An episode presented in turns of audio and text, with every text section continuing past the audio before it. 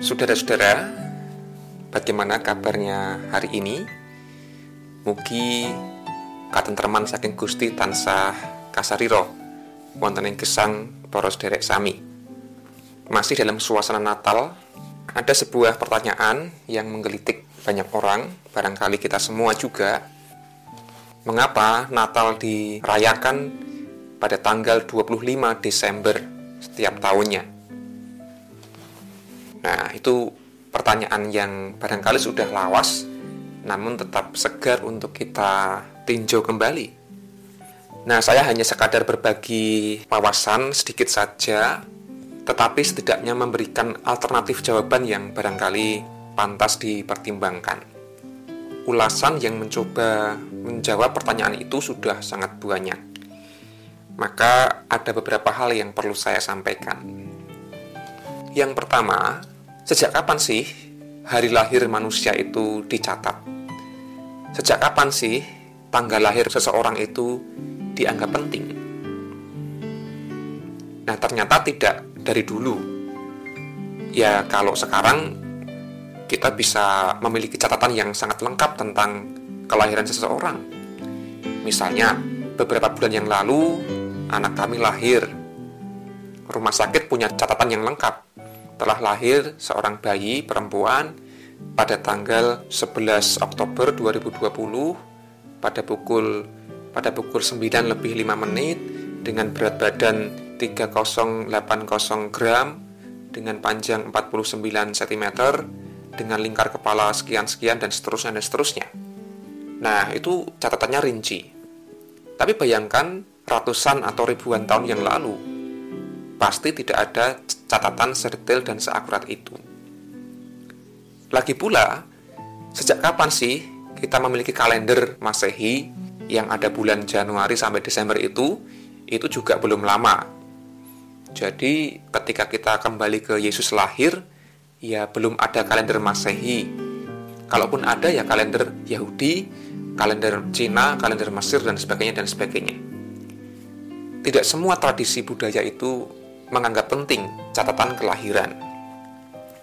Berikutnya, saudara-saudara, seperti kebanyakan kisah, ketika tokoh besar itu lahir, biasanya ia tidak langsung menarik perhatian. Ia tidak langsung dicatat hidupnya sejak ia lahir.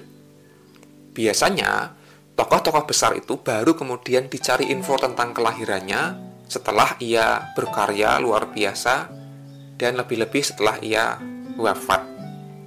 Nah, ketika tokoh besar itu sudah meninggal, sudah tidak ada di dunia, barulah kemudian orang mencari tahu kayak apa sih dulu dia lahir, anaknya siapa sih, dia lahir di mana, bagaimana masa kecilnya, dan seterusnya dan seterusnya. Nah, Yesus pun juga demikian. Ketika Yesus masih kecil, masih remaja, ketika kemudian ia beranjak dewasa berkarya, orang waktu itu masih pro kontra. Apakah Yesus itu manusia biasa, orang kampung Nasaret? Ya, ketika ia orang biasa ya nggak usah dicari tahu bagaimana kelahirannya, kapan dan di mana wong dia orang yang nggak penting. Atau dia adalah sosok yang penting, seorang guru Yahudi, atau bahkan apakah Yesus adalah sosok Mesias, atau apakah Yesus adalah Tuhan, dan seterusnya dan seterusnya.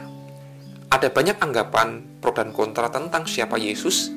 Juga tidak lantas membuat orang-orang mencari tahu info tentang kelahirannya.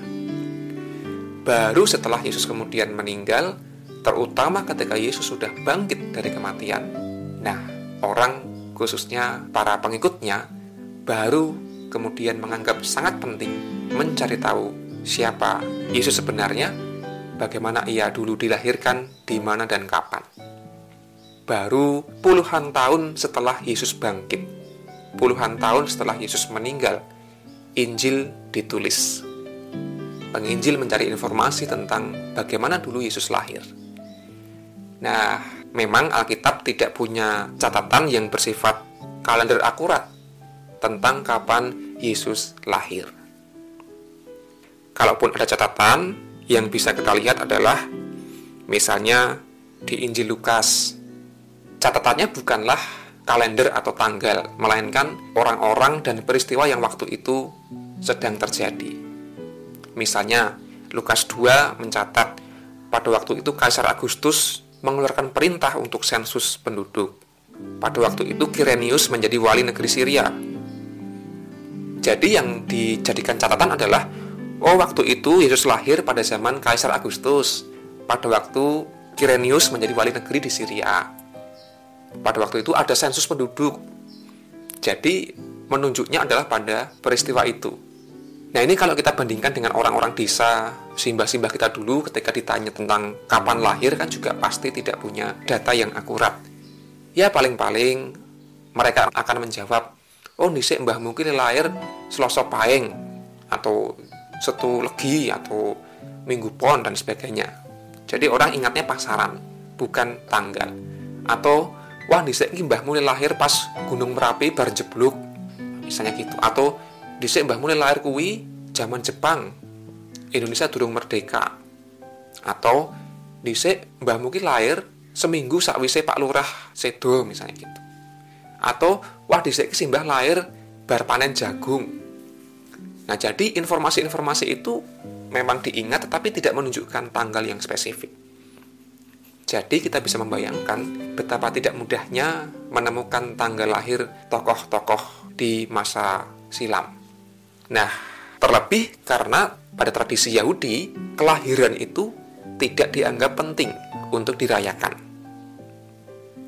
Itulah mengapa, saudara-saudara, dalam kekristenan pun, Natal itu adalah perayaan yang baru-baru saja, yang paling penting dan yang paling tua dalam perayaan kekristenan adalah Paskah dan Pentakosta. Perayaan Natal paling tua yang dicatat dalam sejarah adalah pada tahun 336 Masehi. Ketika itu Kaisar Konstantin menjadi kaisar di Romawi. Jadi bayangkan 336 tahun baru ada perayaan Natal. Sebelumnya orang Kristen merayakannya ya Paskah, Pentakosta. Nah, informasi-informasi ini membuat kita kemudian menjadi tersadar bahwa tidak mudah mencari tanggal lahir seseorang, bahkan ketika orang itu adalah tokoh yang besar sekalipun. Pertanyaannya kemudian adalah, lah kok bisa Natal ditetapkan pada tanggal 25 Desember? Jawaban atas pertanyaan ini akan diulas di episode berikutnya. Sekian dulu informasi pengantar. Matur nuwun awit kawigatosan poros derek. Gusti tansah berkahi, tetap sehat, tetap semangat. Amin.